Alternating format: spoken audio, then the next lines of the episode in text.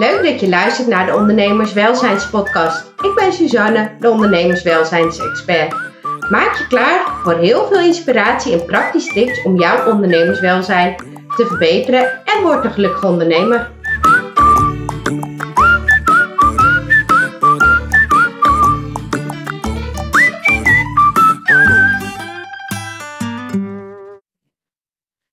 Welkom bij weer een nieuwe podcast. Ik zit nu in de auto. Het is momenteel tussen kerst en oud en nieuw.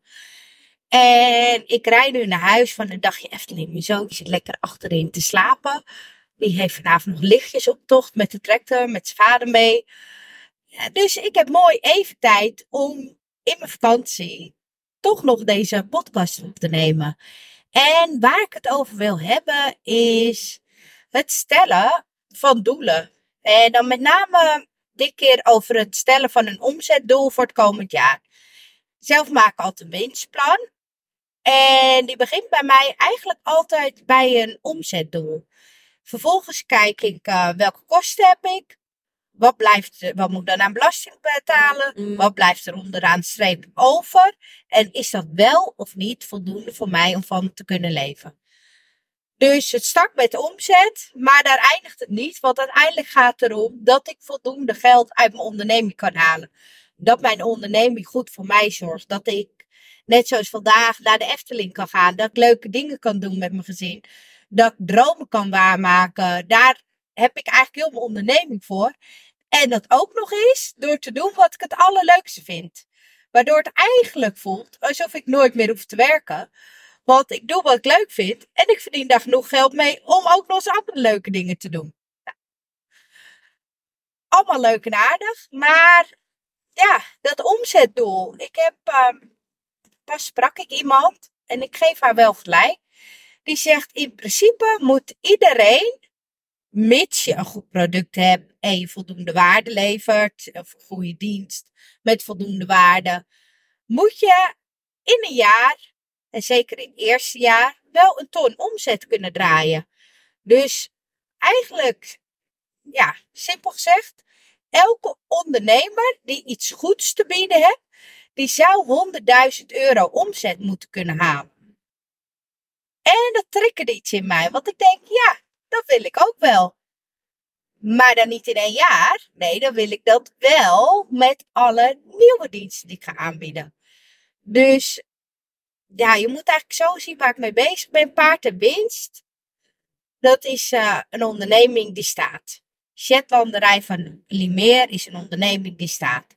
Met paard en winst help ik hippische ondernemers met hun boekhouding, maar ook met advies. En dat bedrijf staat nu redelijk als een huis. Komen groeit langzaam. En het is gewoon heerlijk stabiel. Voor Shetland rijden van Limeer, daarmee komt mijn ponies op locaties, hetzelfde verhaal. Ik heb gewoon elk jaar vaste klanten en af en toe komen er wat meer bij. Dus dat is gewoon stabiel. Het, het groeit niet, maar er zit ook geen, het wordt ook niet minder. Dus oké, dat staat. En toen dacht ik, laat ik mezelf eens een beetje stretchen. Een beetje lekker buiten mijn comfortzone gaan. En laat ik nu eens met alle nieuwe diensten die ik aanbied, daarmee die 100.000 euro willen redden in 2024. Dus eigenlijk wordt 2024 mijn reis naar een ton. En dat klinkt superleuk. Ik word er ook heel erg enthousiast van. En ik vind het ook heel leuk om jou daarin mee te nemen in die reis. En daarmee hoop ik, het grootste doel daarvan is om jou te inspireren om jou tips en adviezen te geven. Dat jij van mijn reis kan leren. Zodat jij ook die ton kan halen in 2024. Mits je dat natuurlijk wil. Want ik ken ook genoeg ondernemers die gewoon met minder al heel blij zijn. En dat is natuurlijk ook prima. Maar zelf vind ik het gewoon leuk om elk jaar te groeien. Om te groeien als persoon.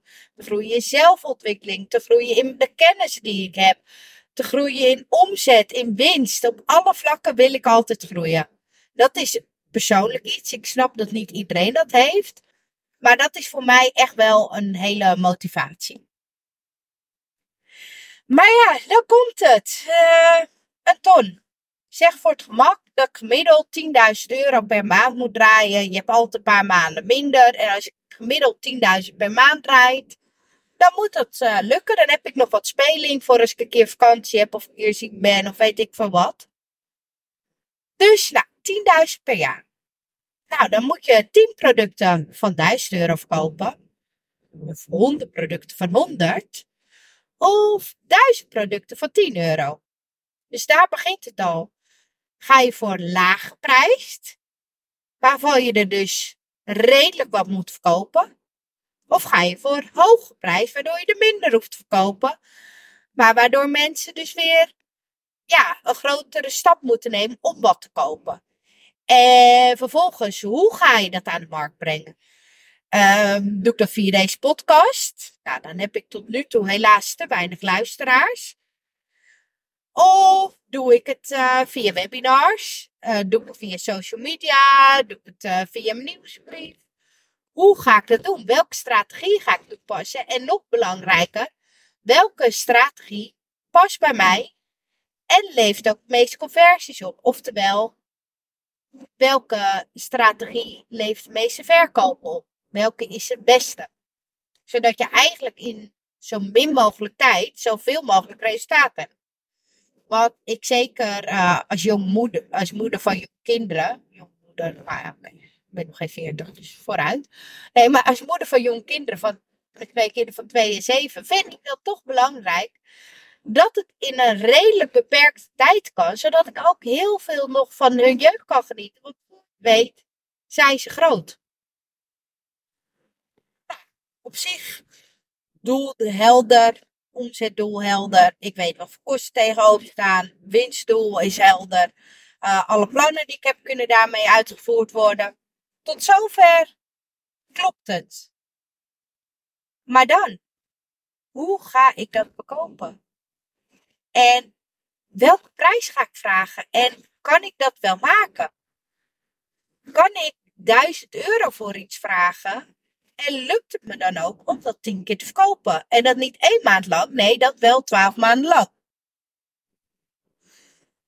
En toen ging ik eens nadenken over hoe andere business coaches het doen, financiële strategen, hoe je het ook wil noemen. Ik heb zelf altijd een beetje een probleem met de term business coach. En sommige vragen inderdaad veel meer, sommige vragen minder. En ging ik zelf eens denken, wat zou ik er zelf voor over hebben? Als ik nu dat product bij mij, of die dienst bij mij zou kopen, wat zou ik er voor over hebben? En toen kwam ik tot de grappige conclusie dat als ik te weinig vraag, dan zou ik het niet kopen. Want dan zou het vast wel niet goed zijn. Dan moet ik, denk ik, naar iets duurdere. Want dan weet ik zeker dat ik mijn investering terugverdien. Want dat is een van de vereisten voor mij als ik ergens instap. Maar ook voor mezelf als ik het leven. Dat jij die investering kan terugverdienen. Dus stel jij geeft mij, um, laat ik even meteen een uh, ingewikkeld bedrag zeggen, 10.000 euro. Dan moet jij dat jaar eigenlijk minimaal 10.000 euro meer omzetten. Zodat jij ook kan zien, hé, dat is een goede investering, want ik heb dat uitgegeven. Maar uiteindelijk heb ik daardoor ook meer verdiend. Nu is dat op zich redelijk makkelijk te meten of dat lukt. Maar ja, als je ergens aan begint, weet je nooit zeker of je het gaat waarmaken. En bovendien, ja, heb je met meerdere factoren te maken. Uh, ik heb ook wel eens een gigantische omzetgroei gehad. En was, lag het dan aan mij? Lag het aan de investering die ik gedaan heb? Was het gewoon geluk?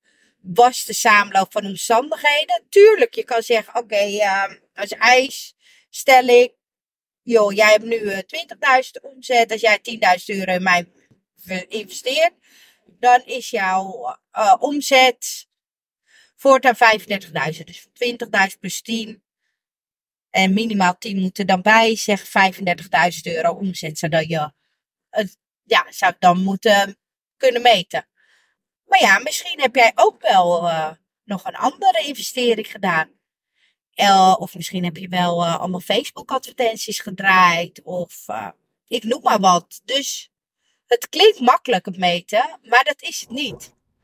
aan de andere kant kan het natuurlijk ook andersom zijn. Jij investeert in iets.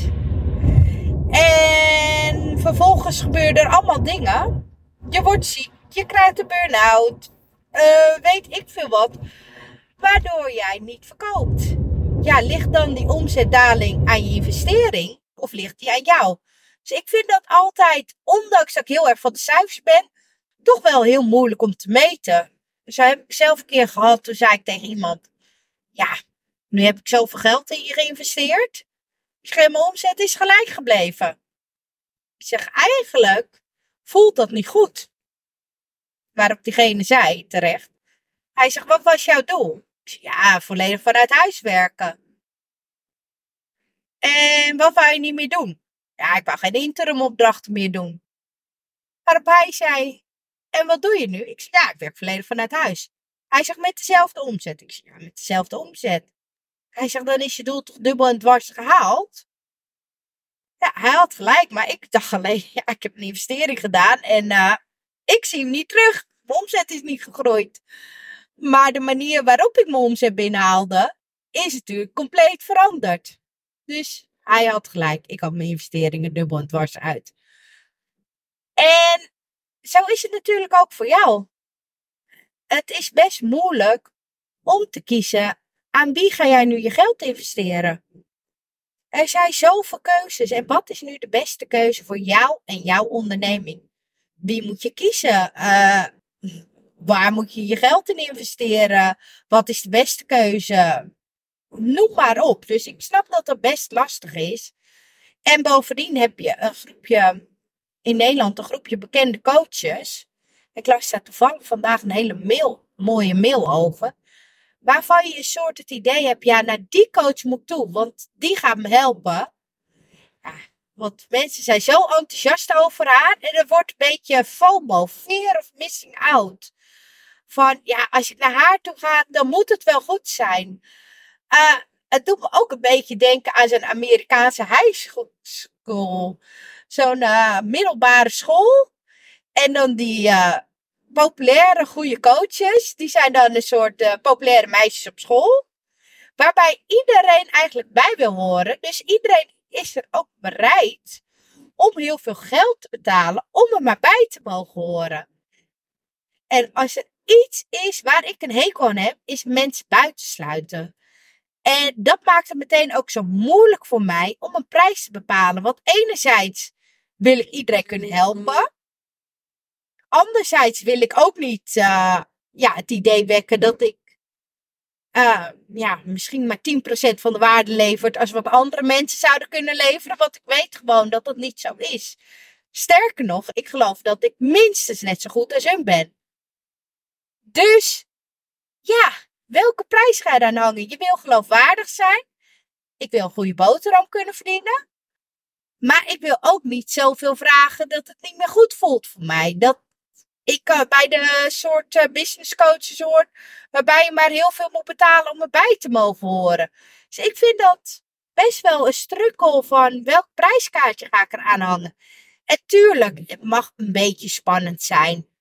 Maar ik moet er wel achter staan. Er moet wel een prijs zijn waarvan ik zelf zeg: ja, dat zou ik investeren. Ja, dat voelt goed.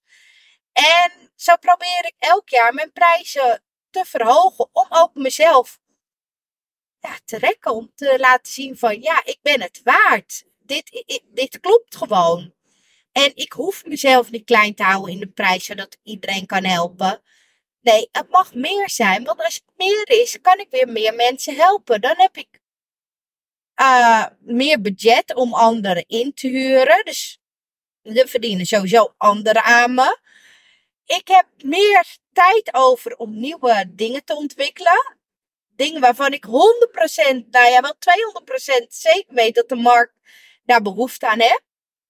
Dus uiteindelijk, als ik meer, eh, meer vraag, als ik duurdere prijzen hanteer, wordt de klant die ik zo graag wil helpen er beter van. Want ik kan nog meer kwaliteit leveren. Ik kan nog meer nieuwe dingen ontwikkelen.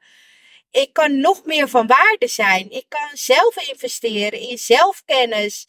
Waardoor ik nog meer leer En ook jou als klant weer nog veel verder kan helpen. En heel lang heb ik gedacht, en volgens mij is het ook wel een vrouwending hoor. Dat ik uh, zoiets had van, nou, als ik nu nog iets meer leer, als ik nog iets kennis op doe, dan mag het wel. Of als ik nu deze opleiding af heb, dan kan ik wel meer vragen. En eigenlijk is het natuurlijk van de zotte, want volgens mij doen mannen dat veel minder. Dus nou, tot zover mijn struggle. En ik denk dat iedereen hem wel herkent in welke prijs ga je nu hanteren. Uh, ik heb wel met mezelf één afspraak gemaakt. 1 januari gaan sommige prijzen gewoon omhoog. Ik heb nu nog een soort beginprijs, uh, decembertarief. Alles is duur. Uh, ik wil gewoon lekker beginnen. Ik gun jou korting in deze dure maand. Tegelijkertijd vind ik het een hele slimme zet om nu nog te investeren. Want daarmee wordt je winst iets lager en betaal je uiteindelijk minder belasting. Dus heb jij een goede winst gedraaid? Wil je volgend jaar meer? Ga lekker nog even investeren. Want dat vind ik echt een goed iets. De enige voorwaarde aan die investering die je gaat doen, is dat het je ook uiteindelijk meer geld op gaat leveren. Dus ga niet investeren om te investeren, maar ga investeren in dingen die je op langere termijn meer geld gaan opleveren. Nou, wat ga ik nog even doen die paar dagen? Ik zit nu te denken. Nou ja, dat kan ik wel vertellen, maar ik ga hier een mailtje pas maandag, nieuwjaar, stuur ik mailtje over dit, deze podcast eruit. Dus dat helemaal geen nut om nu nog te melden welke diensten ik ga aanprijzen voor die tijd. Het is in ieder geval een traject. En daar krijg je nog 25% korting op voor 1 januari. Uh, mijn winstplanner, want ik vind dat iedereen eigenlijk een winstplan moet maken. En met mijn winstplanner, dat is een fysieke agenda, kan jij dat ook gewoon zelf. En heb je gewoon heel praktisch en super waardevol hulpmiddel om jouw groei bij te houden. En bovendien is het een super mooi dagboek om na een jaar terug te kijken wat toen je doelen waren en wat je uiteindelijk bereikt hebt. Dus daar doe ik ook nog even een kortingsactie op uh, van 33%. En daarnaast, die heb ik al vaker genoemd, heb ik op 11 januari een uh, bijeenkomst in Nieuwveen. En daarin gaan we het hebben over jouw plan voor 2024. En met allemaal hele leuke, inspirerende, praktische oefeningen. Wordt echt een hele vette dag. Gaan we kijken hoe jij ervoor kan zorgen dat 2024 echt episch wordt. Dat het echt jouw beste jaar ooit wordt. En dat jij echt je dromen gaat waarmaken. Dus dat gaan we ook nog doen. Die is tot 1 januari nog voor rond 11 euro. En daarna wordt de prijs gewoon verdubbeld. En nou ja, als jij op mijn maillijst staat, dan heb jij daar sowieso nog een mailtje over gehad. En ja, ik wil je gewoon echt aanraden. Maak een winstplan. Ga gewoon een uh, plan maken voor het komende jaar. En nog veel belangrijker, dat plan is leuk. Maar wat ik merk in de praktijk is dat mensen heel snel stranden in alle details. En eigenlijk gaat het niet om de details, het gaat om de grote lijnen. En vervolgens ga je dan meten met de realiteit. En kijk je of je op koers ligt. Dus een winstplan hoeft niet op de cent nauwkeurig te kloppen. Hij moet in grote lijnen kloppen, zodat jij iets hebt waardoor je focus kan houden. Waardoor je betere keuzes kan maken. En waardoor je gewoon een houvast hebt voor het komende jaar. Mijn eigen winstplan wordt van dat of gaat een omzetdoel waarvan ik elke maand ga kijken wat ga ik aanbieden om dat omzetdoel te halen. Want ik ken mezelf soms, ja zeg dat, kan me nog wel vervelen in het aanbod wat ik aanbied. Dus ik wil een beetje kunnen wisselen met een aanbod wat op dat moment het allerbeste voelt. Waarvan ik weet, oh, als mensen dit doen, dit past zo bij deze tijd van het jaar, bij de behoefte die er op dit moment is. Dus ik heb er van dat of gaat, hou ik het voor mezelf wat opener voor komend jaar. Maar tegelijkertijd ga ik jou ook niet helemaal doodstrooien met allemaal aanbod. Ik mag gewoon per maand maximaal drie diensten in de etalage zetten waar ik me op ga focussen. En meer mag gewoon niet. Dus ja, ik ben heel benieuwd of het me komend jaar gaat lukken. Ik ga je zeker meenemen in de reis. En ik, ik vind het ook gewoon belangrijk om over geld, eerlijk over geld te praten. Want het wordt nog veel te vaak te geheimzinnig over gedaan. En alsof het iets heel ergs is als je veel geld verdient. Zo was ik nu natuurlijk bij de Efteling. En toen ging het over uh, Villa Volta. Ik weet niet of je kent. Het huis van Hugo de Grote. En daar werd het hem gewoon kwalijk genomen. Dat hij heel hebberig was. En heel veel zilver en goud en alles wou. Toen dacht ik, oh ja. Mag ook niet. Ben ik met je eens. Hij jatte. Dus natuurlijk mag je niet iets jatten. Maar ik denk, eigenlijk is het helemaal niet zo erg om heel veel zilver en goud te hebben. Mits je het gewoon eerlijk verdiend hebt. Dus dat vond je wel leuker. Dan denk ik, oh, dus word je het eigenlijk weer geleerd van, uh, het is allemaal niet goed. Maar ja, nee, zo zie ik het niet. Dus, mijn advies voor 2024, maak een plan. Een omzetplan en het liefst ook een winstplan. En ga gewoon lekker vet veel geld verdienen. Ga ervoor en voel je vooral niet schuldig. Want als je iets goeds levert, dan mag je daar gewoon veel geld voor verdienen. En des te meer geld jij verdient, des te meer jij ook weer kan delen. En des te meer mensen ja, jij uiteindelijk kan helpen. Dus veel geld verdienen is niet egoïstisch. Dat is juist iets heel moois. Nou, ik hoop dat 2024 echt een geweldig jaar mag worden. Nou, en dat je natuurlijk weer heel vaak naar deze podcast uh, luistert. Hey, fijne dag nog. Dag! Dit was het alweer. Bedankt voor het luisteren. Als je dit inspirerend vond, abonneer dan en mis nooit meer een aflevering. Heb je vragen? Kijk op ondernemerswelzijn.nl. Help mij om nog meer ondernemers gelukkiger te maken door deze podcast te delen met jouw netwerk. Dank je, dag!